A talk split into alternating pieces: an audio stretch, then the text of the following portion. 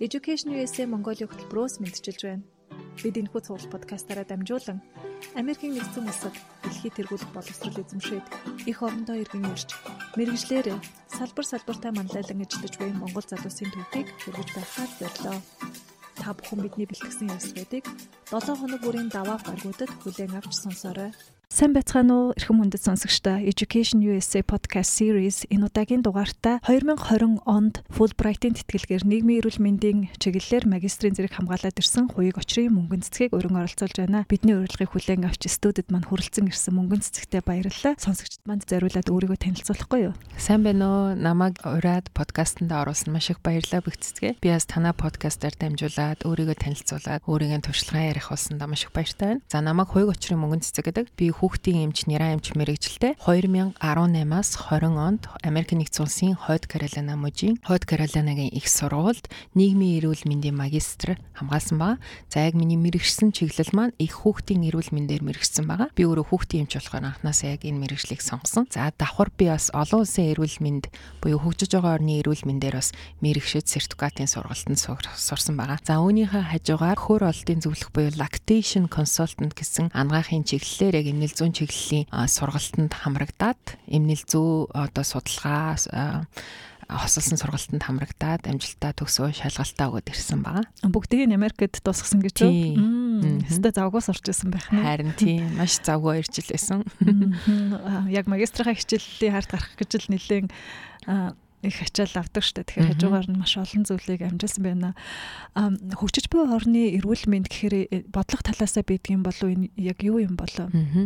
За яг хөгжиж байгаа орны эрүүл мэнд олон улсын эрүүл мэнд гээд яг англи нэршил нь болохоор Global Health гэж явдаг. Global Health Concentration Certificate та би.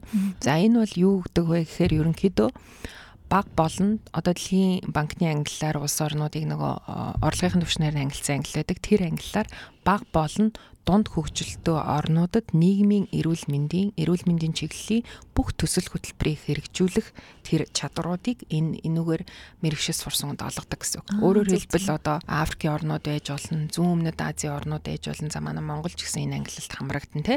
Тийм зүүн Азийн орнууд байж болно. Эдгээр орнуудад хэрэгжиж байгаа эрүүл мэндийн бүх төсөл хөтөлбөр дээр бид нар ажиллах судалгааны болоод яг практик дээр хэрэгжиж байгаа эрүүл мэндийн төсөл хөтөлбөрүүд дээр ажиллах чадвартай мэрэгжилтэн болж бэлтгэгдэнэ гэсэн үг ерөөхдөө. Тэгээ энэ чиглэлээр ерөнхийдөө манай нийгмийн эрүүл мэндийн магистрийн хөтөлбөр хөтөлбөр маань 2 жилийн хөтөлбөр байгаа. 60 кредитийн хөтөлбөр байгаа. За энэ дотроос 12 кредит нь хамгийн багадаа яг олон улсын эрүүл мэндийн чиглэлийн хичээлүүдийг авсан байх шаардлагыг тавигддаг. Тэгээд олон улсад хөгжиж байгаа оронд тэгээ яг олон улсад хэрэгжиж байгаа энэ төсөл төр зуны дадлага хийсэн байх шаардлага тавигддаг. Тэгэхээр би яг энэ бүх шаардлагуудыг хангаад энэ чиглэлийнхаа сертификат авсан гэсэн үг. Зөв зөв. Fulbright-ийн тэтгэлэгт хөтөлбөрийн тухай анхаанаас яаж сонсч байсан бэ? За Fulbright-ийн тэтгэлэгт хөтөлбөрийн талаар ерөнхийдөө бол мэддэг байсан нэг олон улсын хэвл олон нийтийн хэвлэлээр зарууд нь явдаг гэсэн шүү дээ тий. Тэгэхээр ерөн сонсч байсан. Тэгээд за юуны пэйж хуудсынх нэрийг би буруу илжиж магадгүй шүү. Masa байна уу? Тийм Masa-гийн пэйж хуудснаас бас мэдээлэл авдаг гэсэн. Тэгээд сар болгоны хамгийн ихний 7 хоногийн баасан гарагт 17 цагаас би яг бүр цагийн сайн санаж байна. Тэрүүгээр Нацаг доржийн номын сан Улаанбаатарын төв номын санд нэг удаа яриа хийгддэг гэсэн. Fulbright-ийн тэтгэлэгт хөтөлбөрөөр Америк нэгдсэн улсууд сураад ирсэн төгсөгчдийн яриа болдог гэсэн. Тэр ярианд нэг 2 3 удаа очиж сууж исэн. Тэгээд тэр ярианаас илүү дэлгэрэнгүй мэдээлэл авсан байгаа ерөнхийдөө. Тэгээд тэтгэлэг хөтөлбөрт шалгарахад насаараа сурсан одоо бэлтгэл гол суур бэлтгэл болж өгсөн байх л да. Гэхдээ яг энэ тэтгэлэг хөтөлбөрт өөрийгөө сориод үзье гэсэн яг системтэй ирчимжүүлсэн бэлтгэл чинь хэр хугацаа шаардчихсан бэ? Яаж бэлтжижсэн бэ? За яг хамгийн анх би одоо Америкт магистр болоод докторийн зэрэг сурах хэрэгтэй байна гэдэг маань бүр анхныхаа үед багтаа би шийдсэн байсан. Өөрөөр хэлбэл Монголдо сурсан уу тий? Э, тий яг шийдвэрээ гаргах та. Эхлээд анх анхныхаа үед 2 дугаар курсын дамжааны үед багтаа эмээ бид хоёр маань зуны амралтаар Америкт аялах боломж олцсон. Тэр үеэр ихч маань ингээд том анагаахын сургуулиудын кампусаар бид хоёрыг дагуулж явж исэн. Яг анх л тэр үед жоохон оюутан охин бахта за би юу Америкт сурах хэрэгтэй байна тий. Би эднэртэй ингээд зэрэгцээд энэ төвшний боловсрал эзэмших хэрэгтэй байна. Гэтэ одоо биш үеж болно. Анагаахаа төгсний дараа эзэн нэгэн цаг сурнаа гэд тэр үед би имэд амлцсан байсан. За тэгээ энэ амлалтаа олон жилийн турш мартахгүй явсаар агаад 2016 онд би баг хүүгээ төрүүлээд декрет төрсний дараа хамралттай гэртээ сууж байхдаа за яг одоо л би Америкт сурах хэрэгтэй байна. Одоо яг тэр цаг хугацаа нь муу юм байна. Төгснөөсөө хойш хүүхдээ хэмж болсноос хойш 8 жил ажилласан байсан. Тэгээд баг хүүхдээ суугаад надад тодорхой хэмжээний цаг хугацаа гарсан. Бэлдэх цаг хугацаа гарсан. Тэгээд яг сурыг шийдээд бэлдэж эхэлсэн байгаа. За ерөнхийдөө яг системтэйгээр шалгалтуудаа сэтгэлийн шаардлагад хангах тэр хэлний болоод GRE-ийн шалгалтанд бэлдсэн хугацаа маань бараг 8 сар 9 сар Тийм. Богино хугацаанд хэлсэн байна шүү дээ. Тийм. Ерөнхийдөө бол бусад хүмүүс одоо найз нөхдөд ярьж байгаад би харьцангуй богино хугацаанд бэлдээд тийм тэнцээд явсан байна. Америкт ангаахын сургуульд сурна гэхээр ч одоо магистрийн зэрэгээр бол сурдггүй шүү дээ тий. Medical school гэдэг тусдаа одоо бакалавра төгссөн хойно medical schoolд ороод сурдаг. А яг магистрийн зэрэгээр нийгмийн эрүүл мэндийн чиглэлээр одоо ингээд сурна гэдэг нь яг ангаахын сургуульд сурахаас яг ямар ялгаатай байдаг юм бол тэгээ яг Америкт ангаахын чиглэлээр сурах гэж яг medical school орохыг хүсэж байгаа оюутнуудад хандаад бас мэдээлэл зөвлөгөө өгвөл. За ерөнхийдөө энэ бол хоёр өөр сургалт, хоёр өөр програм.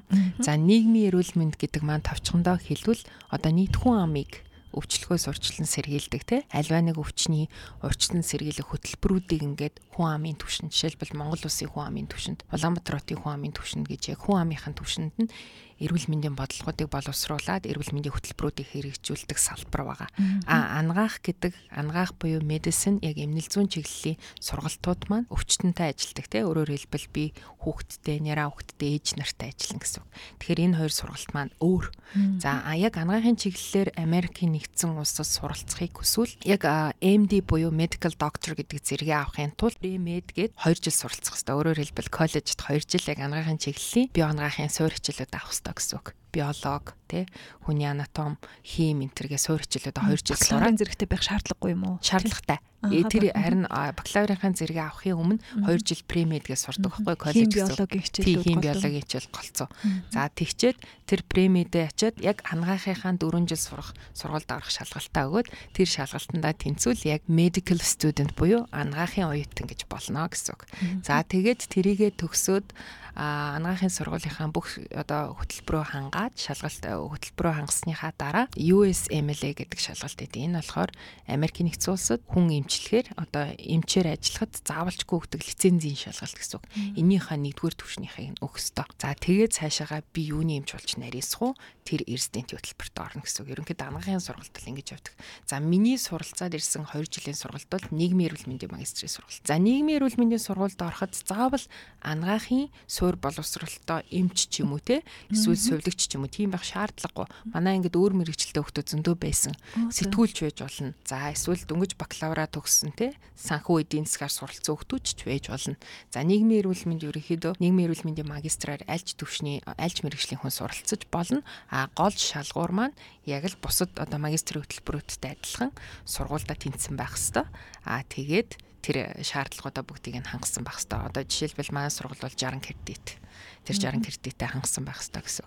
Аа тэгээд төгсөхдөө бол тэр яг нөгөө миний сая хэлсэн шиг эрүүл мэндийн төсөл хөтөлбөрүүд дээр эрүүл мэндийн хөтөлбөрүүд дээр ажиллах чадвартай мэрэгчлэн болж бэлтгэгдэнэ гэсэн үг. Бодлогын төвшөнд одоо зөвлөх, судлах, гүйцэтгэх тийм одоо бүх ажил дээр нь орж ажиллах чадвартай болох гэсэн юм байна тийм хийж болох ажил маань судлаач хийж болно. Эрүүл мэндийн төсөл хөтөлбөрүүд дээр судлаачаар ажиллаж болно. За эсвэл координатор буюу төслийн зохицуулагчид хийж болно. За тэгээд ер нь маш олон төвшний ажил хэрэг нь ерөнхийдөө бодлогын төвшин манай Монголд бол жишээлбэл нийгмийн эрүүл мэндийн үндэсний төв гэдэг байгаа. Тэнд ажиллаж болох нь тий. Эрүүл мэндийн яамд бодлогын төвшөнд бас ажиллаж болох нь. За эсвэл олон улсын байгууллагын хэрэгжилж байгаа маш олон эрүүл мэндийн төсөл хөтөлбөрүүд эдэг тэд нартай судлаачаар ажиллаж болно гэсэн үг. Ерөнхийдөө ажлын байр бол маш уян хатан нээлттэй эрүүл мэндийн чиглэлийн бүхэл юун дээр ажиллах чадвартай. За тэр бүхэл эрүүл мэндийн тоо баримтан дээр дүн шинжилгээ хийх, статистик боловсруулалт хийхээр хүртэл мэрэгч ажиллаж болно. За яг миний мэрэгчсэн чиглэл болохоор их хүүхдийн эрүүл мэндийн чиглэлээр хэрэгж байгаа бүхэл төсөл хөтөлбөр ялангуяа хүчж байгаа орнууд баг дунд орлоготой орнуудад хэрэгжиж байгаа төсөл хөтөлбөрүүд дээр ажиллахаар мэрэгчсэн гэсэн үг. Зөв зөв. Тэгэхээр сэтгүүлч бэкграундтай хүн бол зөвхөн эрүүл мэндийн чиглэлийн одоо ном сонин сэтгүүлийн редактораар ч юм уу автороор ч ажиллаж болох нь шүү дээ тийм. Яг зөв өөрийнхөө одоо тэр сэтгүүл зүүн мэрэгжилтэйгээ хослуулад тэгээ эрүүл мэндийн чиглэлтэйгээ ингээд хослоод ажиллаж болно. Жишээлбэл яг манай ингээд болохоор 27 оюутан байсан. Яг их хүүхдийн эрүүл мэндээр мэрэгшиж байгаа 2 жил хамт суралцсан. Тэр 27 оюутнаас 6 оюутан л яг ангаахын чиглэлийн мэрэгжилтэй эмч сувлагч нараас. А бусд нь бол тэгэхээр өөр мэрэгжлийн бакалавра өөр мэрэгчлэр ангаах юм биш эмнэлгийн биш мэрэгчлэр хийсэн хүмүүс байсан гэсэн. Нөө full time магистрийн оюутан байгаа дээ. Тэгээ маш их кредитээ цуглуулж зэрэгээ аван тэгээд ачаал ихтэй байсан ба хажуугаар нь хоёр өөр бас чиглэлээр сурсан гэд магистртаа авч исэн кредитүүд чинь бас тэр нөгөө хоёр хөтөлбөрийн зарим кредитүүдийг тооцоолоход хэрэг болж исэн гэсэн үг үү? Ерөнхийдөө э, яаж энийг зохицуулдаг юм болоо? Аха. Тэ энэ дээр яг тайлбар хийхгүй бол ойлгомжгүй ах шиг байна тий. Нийгмийн эрүүл мэндийн магистраар сурсан ирнэ хөр олтын зөвлөхөр яаж сурсан юм бэ гэдэг ерөнхийдөө.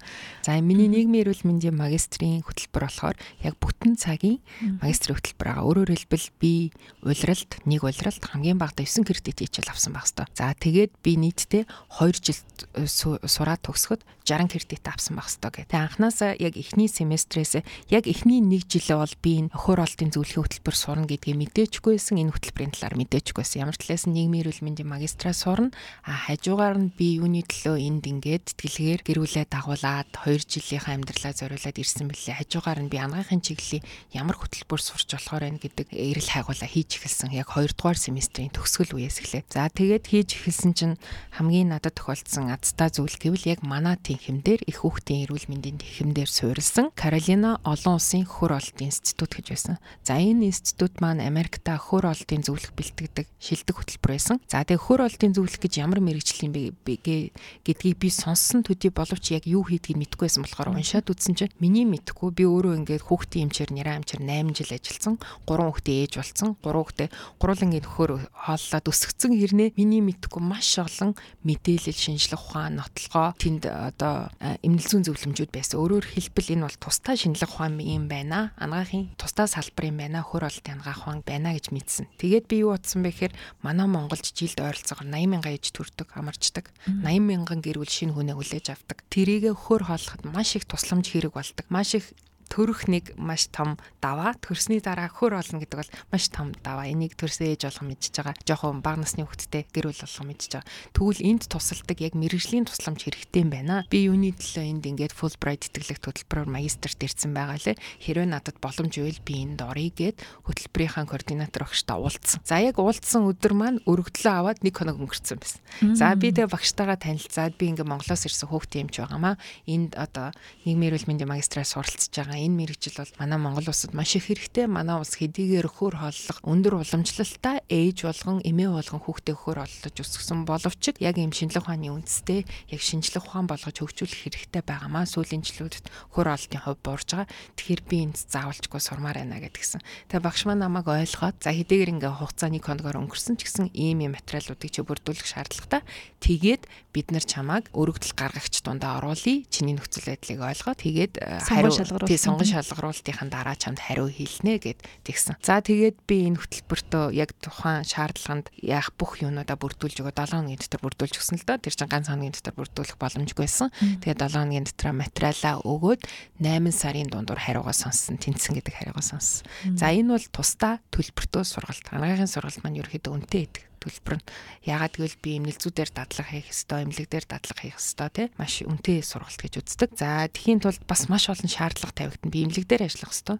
Нэгдүгээр тэгэхээр маш олон нөхрөлийн шинжилгээг өгнө. За тэгээд бүх өвчтөнд одоо бага насны болоод э, насанд сэхэн амьдралт хийх шаардлагатай тэрийг яа. Бүх одоо эмнэлэг дээр ажиллаж байгаа ер нь эмнэлгийн эмнэлгийн бас хүмүүс сэхэн амьдралтын сургалтыг дүүргэсэн байх шаардлагатай. Тэгээ Америкт сэхэн амьдруулах тусламжийн суурь сэхэн амьдруулах тусламжийн сургалтыг бас дүүргэсэн. Бүх шаардлагуудаа хангаад өргөдлөө өгөөд тэгээд 8 сарын дундаар тэнцэн гэдэг баяртай мэдээг хүлээж авсан.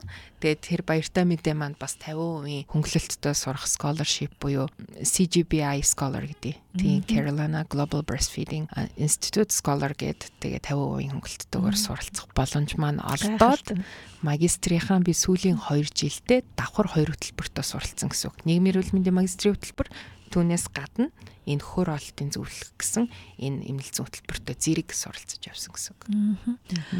Яг энэ хөр хоолтын зөвлөх гэдэг одоо мэрэгжил Монголд байдсан болов би бүр өмнө нь сонсож байгаагүй ийм мэрэгжил байгаа байхгүй юу? Анх сонсоод бүр ингээ юу гайхчихсан л да тэгээд ийм юм байдг юм байна гэж бодоод. Тэгээд яг манай Монголд түгээмэл яг нэг 20-од мэрэгжлийг хүүхдүүд сонгож эзэмшээд байна гэтэл яг Америкт очиж сурахад мэрэгжлийн одоо зөвхөн эдийн засаг гэхэд бүр ингээд маш олон салбарлсан байдаг те. Concentration-ээс хамаарат наривчил судалдаг. Тэгээд тэрнээс гадна бидний одоо төсөөлж байгаачгүй ийм ажил байдаг юм уу гэж бодмоор тийм мэрэгжлүүд ч бас байдаг. Тэгэхээр тэр талаар өөрийнхөө Америкт ажиллаж исэн зүйлүүдийнхаа тухай дээр нь яг энэ breast feeding буюу одоо хөр хоолтын зөвлөх гэдэг мэрэгжлийнхаа тухай жоохон дэлгэрүүлж яривал мэдхгүй ирээдүйд бас яг энэ чиглэлээр сурах хүсэл сонирхол хүүхэд залуучуудад төрөх юм байлоо гэж бодлоо л да.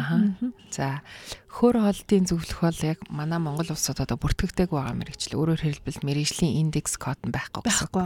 Яг хөр хоолтын зөвлөх буюу lactation consultant гэсэн мэрэгчлэн байхгүй. А харин манад ямар одоо энэ төрлийн тусламж үзүүлдэг хүмүүс байгаа вэ гэхээр хүүхдийн эмчнэр, нэрэн эмчнэр бид нар бүгдөө хүүхдийн эмчнэр амж болох бэлтгэгдэх хугацаанд хүүхдийг яаж зөв амлуулах уу те нэраа нэн шаардлага тусламж гэж байдаг.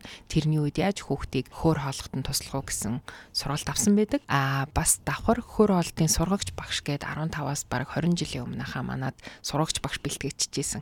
Аа тэгтээ энэ сургалтыг төгссөн хүмүүс маань одоо яг миний мэрэгчлээ адилхан биш гэсэн үг. Өөрөөр хэлбэл тэр үеийн агуулга бол ерөнхийдөө яг суур маш одоо basic түвшний сургалтаар бэлдсэн хүмүүс байгаа. Ниран сувлагч нар, ниран эмч нар ч гэдэг юм уу те. Өрхийн эмч нар тийм өрхийн эмч нараас хамрагдсан. Тийм сургалтаар бэлтгэгдсэн хүмүүс байгаа. А яг миний мэрэгжил бол одоо ээжэд болоод хүүхдэд амжилттай хөр хооллоход нь тослно гэсэн. За тэгвэл яг хүүхдийг яаж хооллох ёстой гэсэн зөвлөмж өгд юм бэ гэхээр Дэлхийн эрүүл мэндийн байгууллага гэдэг те нэгдсэн үндэсний байгууллагын харьяа эрүүл мэндийн асуудал хариуцсан төв байгууллага. Дэлхийн эрүүл мэндийн байгууллага болохоор ямар ч хөгжилтэй улсад баримтлах тийм удирдамж зөвлөмжүүдийг гаргаж идэг. За хүүхдийн хооллолт дээр дэлхийн эрүүл мэндийн байгууллагаас юу зөвлөдөг вэ гэхээр төрсэн нэраа хүүхдийг амьдралынх нь ихний нэг цаг дотор эхийн хөр амлуулад ангир уургийг амлуулад 6 сар хүртэл дан хөр хооллоод 2 6 сараас дээш нэмэгдэл хоолнд оруулаад үргэлжлүүлэн хөхөр хоолно 2 нас хүртэл. Тэгээд 2 наснаас дээш ээж хүүхэд өссөн хугацаагаар хөхөр олж болно гэсэн зөвлөмж өгдөг. Тэгэхээр хөхөр олдын зөвлөх бол 2 нас хүртэл ээж хүүхэд хоёрт ерөнхийдөө тусалдаг. Бидний гол үйлчлүүлэгч нар өвчтнүүд болохоор 2 нас хүртэлх хүүхэдтэй ээжүүд 2 нас хүртэлх бага насны хүүхдүүд байдаг гэсэн үг. За тэгвэл энэ хугацаанд энэ 2 жилийн хугацаанд дөнгөж төрснөөс ахуулаад хөр хоолно гэдэг чинь ээжийн хувьд шин чадвар шинээр сурж байгаа дөнгөж төрсөн яраа хүүхдийн хувьд шин чадвар. Хүүхэд хэдийгээр амандаа орсон юм болгоныг хөхөх рефлекстэй л төрдөг болохоос биш ээжийнхаа хөхөн дээрээсээ хөхөө хөхөх тийм чадваргүй төрдөг. Тэгэхээр энэ шин чадвар сурахын тулд маш их цаг хугацаа, маш их дадлага, маш их дээрээс нь туслаг тусламж дэмжлэг шаардлагатай. Тэгвэл энэ үед нь хөр олдын зүйлх гэдэг хүн тусалдаг. За тэгээд энэ үед маш олон төрлийн эмгэггүй тохиолдож болдог. Жишээлбэл ээжийн хөхсүүг болж болдог. Сүү татрах гэдэг те. Өхний сүүний гарцыг яаж нэмэгдүүлэх вэ? Хүүхэд хөхөө идэх болчдөг. Хөө идэхгүй голоод үлээддэг. Манай хүүхэд одоо юм чи 2 3 сартаа мэмэдгүй байна. Манай хүүхдэд туслаач ээ гэдэг. Тэгвэл тэр бүх зүйл одоо хөх зангирна гэж асуудаг тийм манай монголчууд гордор хаагдах гэж яриаддаг. Тэр бол бас хөхний өрөвсөл ахгүй юу? Мэргэжлийн үний тусламж авах хэвээр эрүүл мэндийн одоо эмгэг. Тэгэхээр энэ бүх маш олон эмгэгүүдийн үед тусалдаг хүн бол хөр олтын зөвлөх эмч. Өмнө нь болохоор манайх яадаг байсан бэ гэхээр за одоо энэ хөхний хүлтийн асуудалтай байвал хүүхдийн эмч тандна, нэрэн эмч тандна, тэр хөр олтын сурагчаар бэлдсэн нэрэн сувилагчид хандаг. За зарим тохиолдолд бүр аргаа бараад хэцүү байгаа тохиолдолд тусламж авах хүн байхгүй мэрэгжлийн бус хүмүүс танддаг, бариач нарт ханддаг ч гэдэг юм. Тийм юм хүртэл байдаг. Тэгэхээр яг ийм мэрэгжил байд юм аа. За одоо миний мэдж байгаагаар энэ мэрэгчлэр яг сур сураад төгсөө шалгалтын нөгөөд ажиллах эрхийг авсан бол одоогор би байгаа. Тэгэхээр ийм мэрэгжил байгаа. Энийг сонсож байгаа ээж нар баг насны хүүхдтэй хүмүүсээ бол бас давхар ийм мэрэгжил байд юм байна. Ийм үед хэрэг хүлтийн үед надад ямар нэгэн асуудал үүсвэл хүүхдэд маань ямар нэгэн асуудал үүсвэл хөр олтын зөвлөх гэсэн ийм хүнд хандаж тусалцаа авах хэрэгтэй байна гэдгээс ойлгох хэрэгтэй. За тэгээд Америк нэгдсэн улсын хувьд болохоор хөр олтын мэрэгжил одоо ангаах ухааны мэрэгжлүүд дотроос эмнэлгийн мэрэгжлүүд дотроос хамгийн эрэлт хэрэгцээтэй мэрэгжлийн нэгээр нэрлэгдэж байгаа.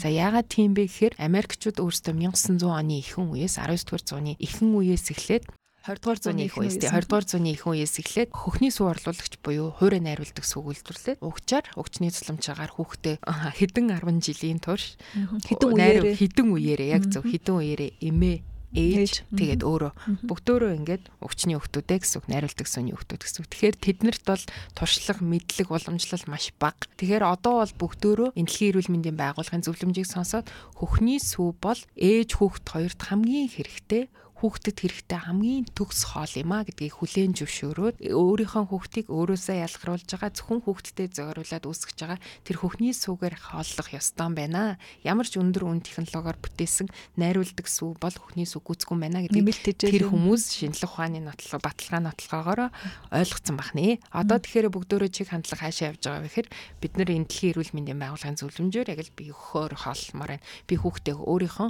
хөөрөө хоолмоор байна. Хүүхнийхээ сүгээр хооллохыг like бүх хүн хүсэж байгаа. Бүх ээж нар хүсэж байгаа, бүх гэр бүл хүсэж байгаа. А тэрэнд нь тусламж хэрэгтэй тий. Тэгэхээр тусламж хинээс авах вэ гэхээр би ээжээс авъя. Бид нар бол Монголд ээжээс авдаг, эмээгээс авдаг, хичээс авчдаг.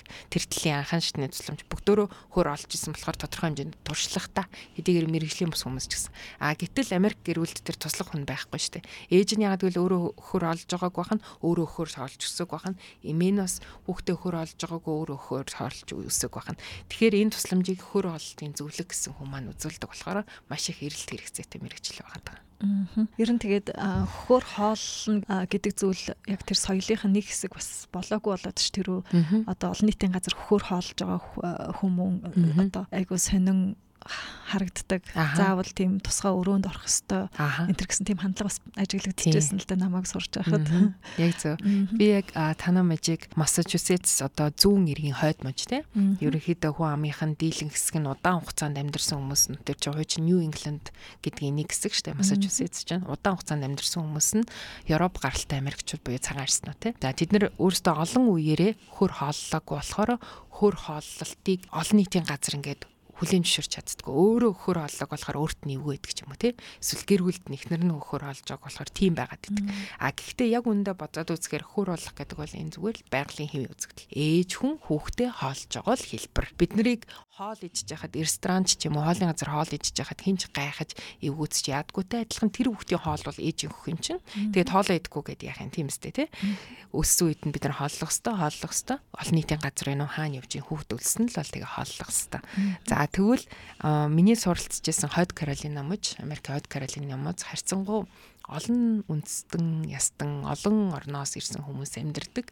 За тэрэнд бол олон нийтийн газар би хөө гаргаад тоолоход бол намайг эвгүүцэх юм уу те чи өөр газар руу ор гэж хэн ч хэлэхгүй. Тэр битэл би олон нийтийн газар хөө гаалгаад тооллох миний эрх, миний хөөхтийн эрх болохоор би хинээс зөвшөөрөл авах хинээс ажичих шаардлага байхгүй.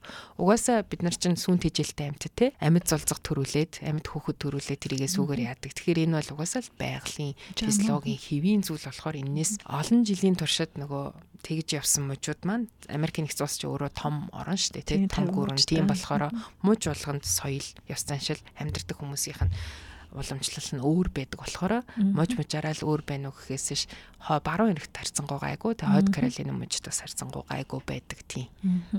Харин тийм яг хичээлийн үеэр ярьжсэн л да. Яг хуулийнхаа дагуу бол ерөөсөө их хүүхдээ хизээ хүссэн үедээ хизээ хүссэн газараа хөхүүл хэрэгтэй боловч нөгөө хүмүүсийн дунд идэг culture соёлын нэг тийм юм айгуу жоохон стигма үүсгээд идэг гэд ярьжсэн л да. Аа за хоёлаа буцаад аюу руугаа оръё. Тэтгэлгийнхаа тухай яриа руугаа оръё. Ер нь тэтгэлэгт хөтөлбөрт өргөдөл гаргах гэж зэгж байгаа одоо хүүхэд залуус зориулаад юуг зөвлөх вэ? За Fulbright тэтгэлэгт хөтөлбөрөөр Америкийн нэгдсэн улсаас орсон болохоор яг энэ талынхаа туршлагаа илүү ярих гэж бодож байна. За Fulbright тэтгэлэг хөтөлбөр маань жилд 2 удаа өргөдөл хүлээж авдаг. За би бол анх бас 17 онд өргөдлөө өгчээсэн. 17 онд өргөдлөө өгч явах одоо хэдийгээр 5 дахь өдөр болгон тэр ярианд нь суугаад байдаг байсан ч гэсэн мэдээлэл бас муутай байсан. Өөрөөр хэлбэл 2 удаа өргөдөл авдгийг мэдгүй ганцхан удаа авдаг гэж ойлгоод 2 дахь удаа 6 сарын ихээр авчихсан баг тэрэнд нь өгчээсэн. Fulbright хөтөлбөр маань дотроо 2 төрөл байгаа. Хаанаас тэр хөтөлбөрийн тэтгэлгийн санхүүжилт орж ирж байгаа гэдгээс шалтгаалаад Америкийн засгийн газрын санхүүжилттэй Монголын засгийн газрын санхүүжилттэй гэдэг. За Америкийн засгийн газрын санхүүжилттэй Fulbright хөтөлбөр маань 2 сард л өргөдлөө аваад байгаа шиг байна. Гэхдээ та хэд заавалжгүй Америк нэгдсэн улсын вебсайт, элчин сайд яамны вебсайт руу ороод тодруулаараа 2 сард өргөдлөө аваад Монгол улсын засгийн газрын тэтгэлэгтэй санхүүжилттэй Fulbright хөтөлбөр маань 5 сарын сүүл 6 сарын ихээр өргөдлөө аваад байгаа шиг. Тэгэхээр нэгдүгээр над шиг алдаа гаргаж болохгүй өргөдлөө хизээ авж ийн гэдэг талаар маш сайн мэдээлэлтэй байх хэрэгтэй. Тэгэхээр Fulbright хөтөлбөрт өргөдлөө өгч байгаа бол жилд 2 удаа авд юм байна гэдгийг мэдчих хэрэгтэй. За тэгээ шалгууруудаа харах хэрэгтэй. За тэрэн дээр маш тодорхой заасан байгаа тий. 2 жил ажилласан байх хэрэгтэй, нийгмийн даатгал төлсөн байх хэрэгтэй. Таны англи хэлний шалгалт IBT TOEFL оноо чинь тэд байх хэрэгтэй. За IELTS өгсөн бол тэд байх хэрэгтэй гэд бүх ингээ шаардлагуудын заасан байгаа. Тэр шаардлагуудаа маш эртнээс мэдэж аваад яг тэр би одоо жишээлбэл 20 он 21 онд өргөдлөг өгнө гэхэд би одоо айл хэзээ судалсан байх хэрэгтэй байхгүй юу? Одоо 20 оны 10 сар гэхэд судлаа тэр шаардлагуудаа би тэнцэж гин үгүй гэдэг бүх шаардлагуудаа нэгдүгээрт нь тэнцэхгүй байгаа. Тэнцэхгүй байгаа зүйлүүдээ яаж яаж нөхөж өөртөө бий болох вэ гэдгээ би болгоод за тэгээд шалгалтуудтай бэлдэндээ хамгийн гол нь хамгийн гол нь англи хэлний хувьд тэр хүн Америкт очиод graduate school буюу магистр докторийн хөтөлбөр шууд хичээлд нь суухад хангалттай ойлгоод хичээлийн их төвшний оноог бид нар шаардж байгаа гэсэн. Тэгэхээр хамгийн гол нь тэр хилний шалгалтны онооны төлөө биш яг тэр чадруудыг эзэмшихийн төлөө сураараа гэж би тэтгэлэг төлбөрт бэлдэж байгаа бүх хүмүүс захимаар байна. Энэ маш чухал. Яагаад гэвэл би бас яг за энэ оноогоо л авчи IBT 90-с дээш минь 90-с дээшээ л авчи гэж бодсон үгүй. Тэр IBT гэдэг шалгалтанд шалгаад байгаа дөрвөн чадвар чинь чамайг Америкт очиод амжилттай суралцах аягийг хүндсэн болдог.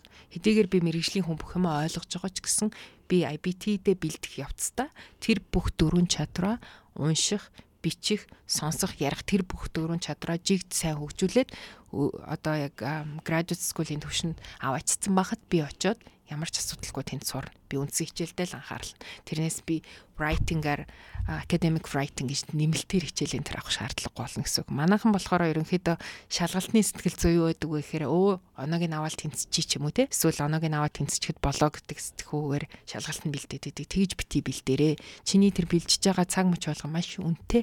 Чи тэр үнэтэй цаг мөчөө яг өөртөө чадвар болгож үлдээж англи хэлний яг тэг академик чадвар болгож үлдээж бэлдээрээ гэж захимаар байна. За тэгээд тэтгэлэг хөтөлбөрт материалаа өгөө техник шатанд тэнцвчлээ. Хоёр дахь шат гэж бас байгаа тийм ярилцлаганд орно. Эхний шатнд тэнцсэн гэд мэдээг бол имэйлээр бид нарт өгчээсэн. Тэгээ хоёр дахь шатнд тэдний өдөр тэдэн цагт ирээд ярилцлагандаа ороорой гэдгийгчээсэн. За би ярилцлагандаа орохдоо яаж бэлдсэн бэ гэхээр хоёр хүнтэй уулзсан. Өөрөөр хэлбэл өмнө нь яг энэ нийгмийн эрүүл мэндийн чиглэлээр Fulbright хөтөлбөрөөр тэнцээд ирсэн нэг нь манай доод тий сураад ирсэн, сураад төгсөөд ирсэн хоёр хүнтэй уулзаа зөвлөгөө авчихсан. Ер нь бол хүмүүсээс зөвлөгөө авах, хүнээс юм сонсгол хизээч хүнд илүүдэхгүй те. Хүн өөрийг ингээ мэдчихэж байгаа гэж бодоод явааддаг. А тэгэхэд тэр хүн бас өөр чиний мэдхгүй байгаа нэг юм чиг хэлж өгдөг болохоор үргэлж хүмүүсээс тусламж гуйхаасаа асуухаасаа хизээж бүү санаа зовоороо. Манай монголчуудад байдаг нэг нэрлэх нийтлэг зам байдаг те. Бүх насныханд байдаг аав ээжээсээ гэр бүлээс уламжилсан нэрлэгдэг мэдгүйгээс ээждэг. Харин мэдгүй гэдгээ хүлэн зөвшөөрөөд хүнээс асууж хахад асууж байгаа хүнд хүн хизээж цаг завгүйсэн ч гэсэн ганц ч юм гэсэн хэлээд өгч ийн ингэж байгаа юм байна гэж боддог. Тэгээд нэг маань манай доод курсын эмч бүсгүй байсан. А нэг маань манай найзын нэг зөвлөгөө өгсөн хүн маань манай найзын дүү ээж таарсан. Тэгээ тэр хоёртой уулзаад би зөвхөн тэтгэлэг одоо энэ ярилцлаганаас гадна ер нь суралцах хугацааных нь нэгэн дуулцаад авсан юм чинь цаг цаваа зориулаад надад зориулаад би бас цагаа зарлаа зарцуулаад тэр үнтэй уулзаж байгаа юм чи бүх мэдээллийг авахыг хичээсэн. Та маш сайхан зөвлөгөө өгчээсэн.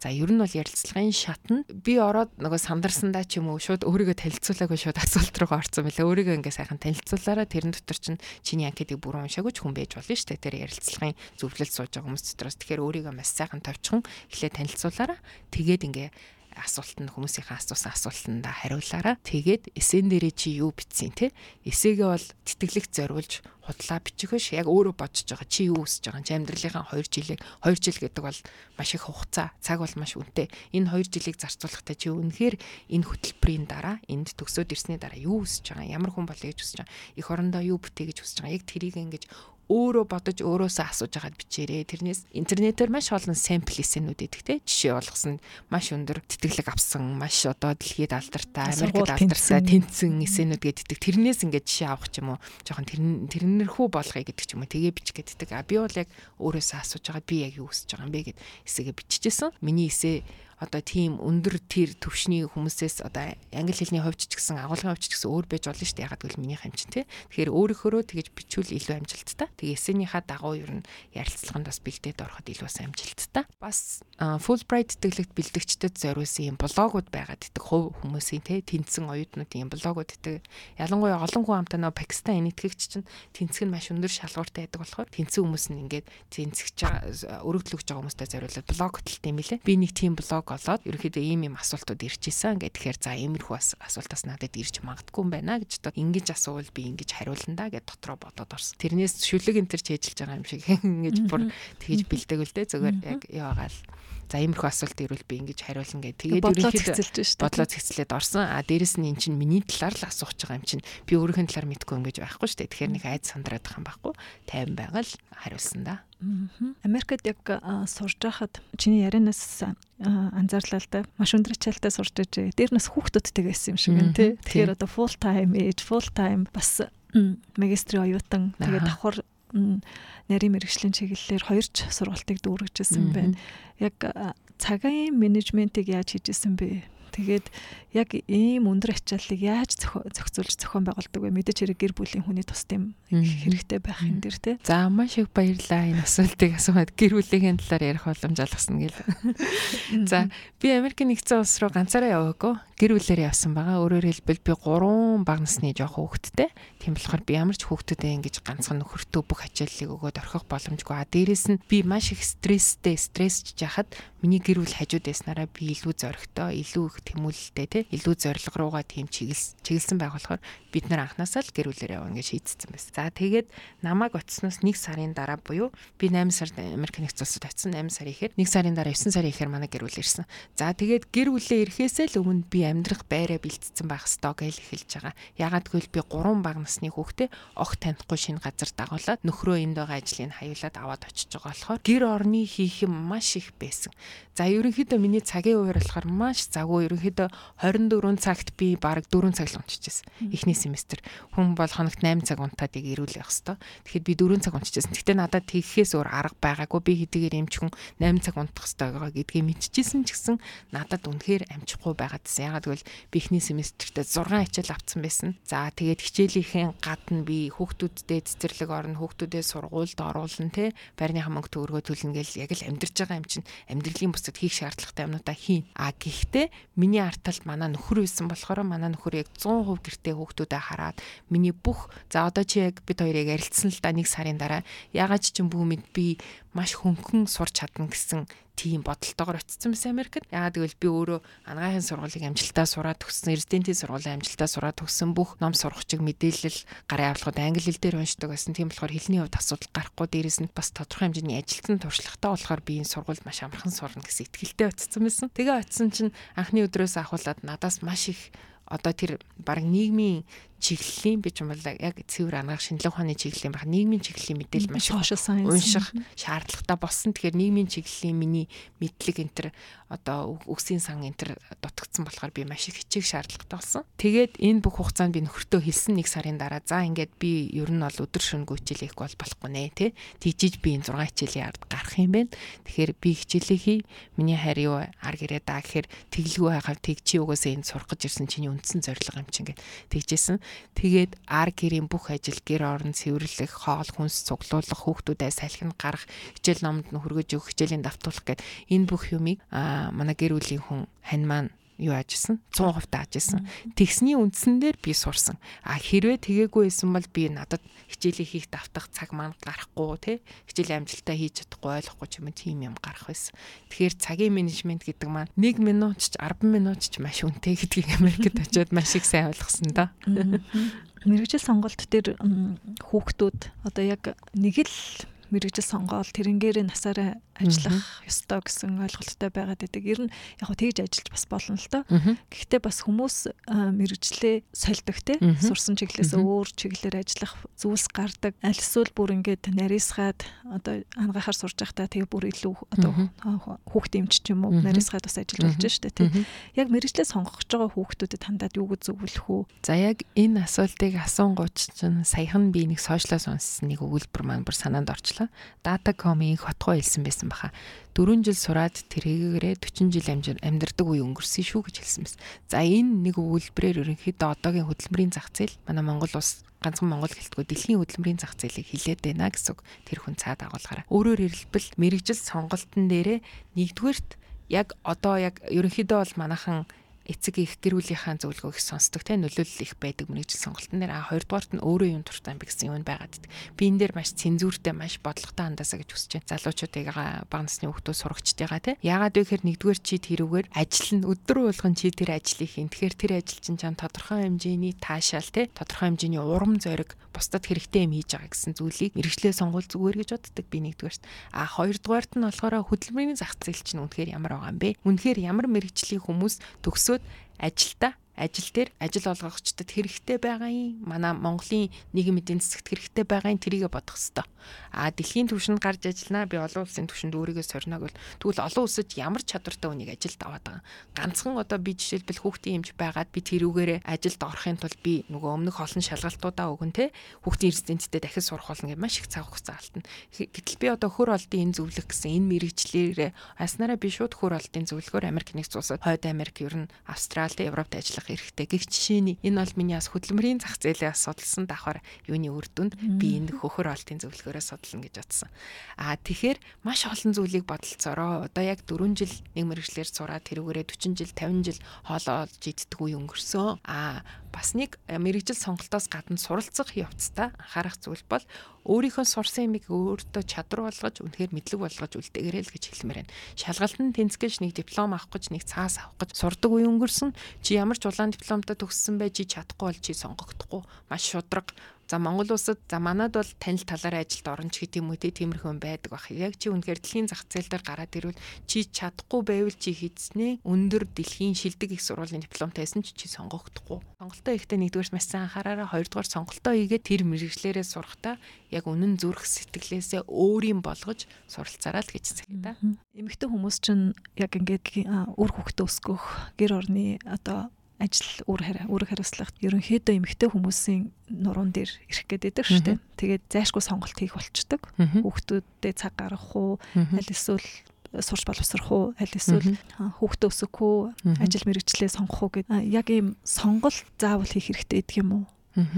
Ослуулаад аваад явах боломж байдгийн болов. Аа. За супер вомны талаар асууад байгаа шиг.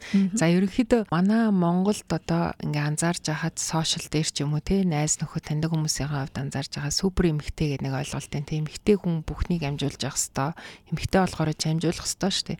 Бусад ээж нар ч юм уу бусад их нарууд хүүхдэд төрүүлээ сураал ажиллаа гэж болол юм гэдэг.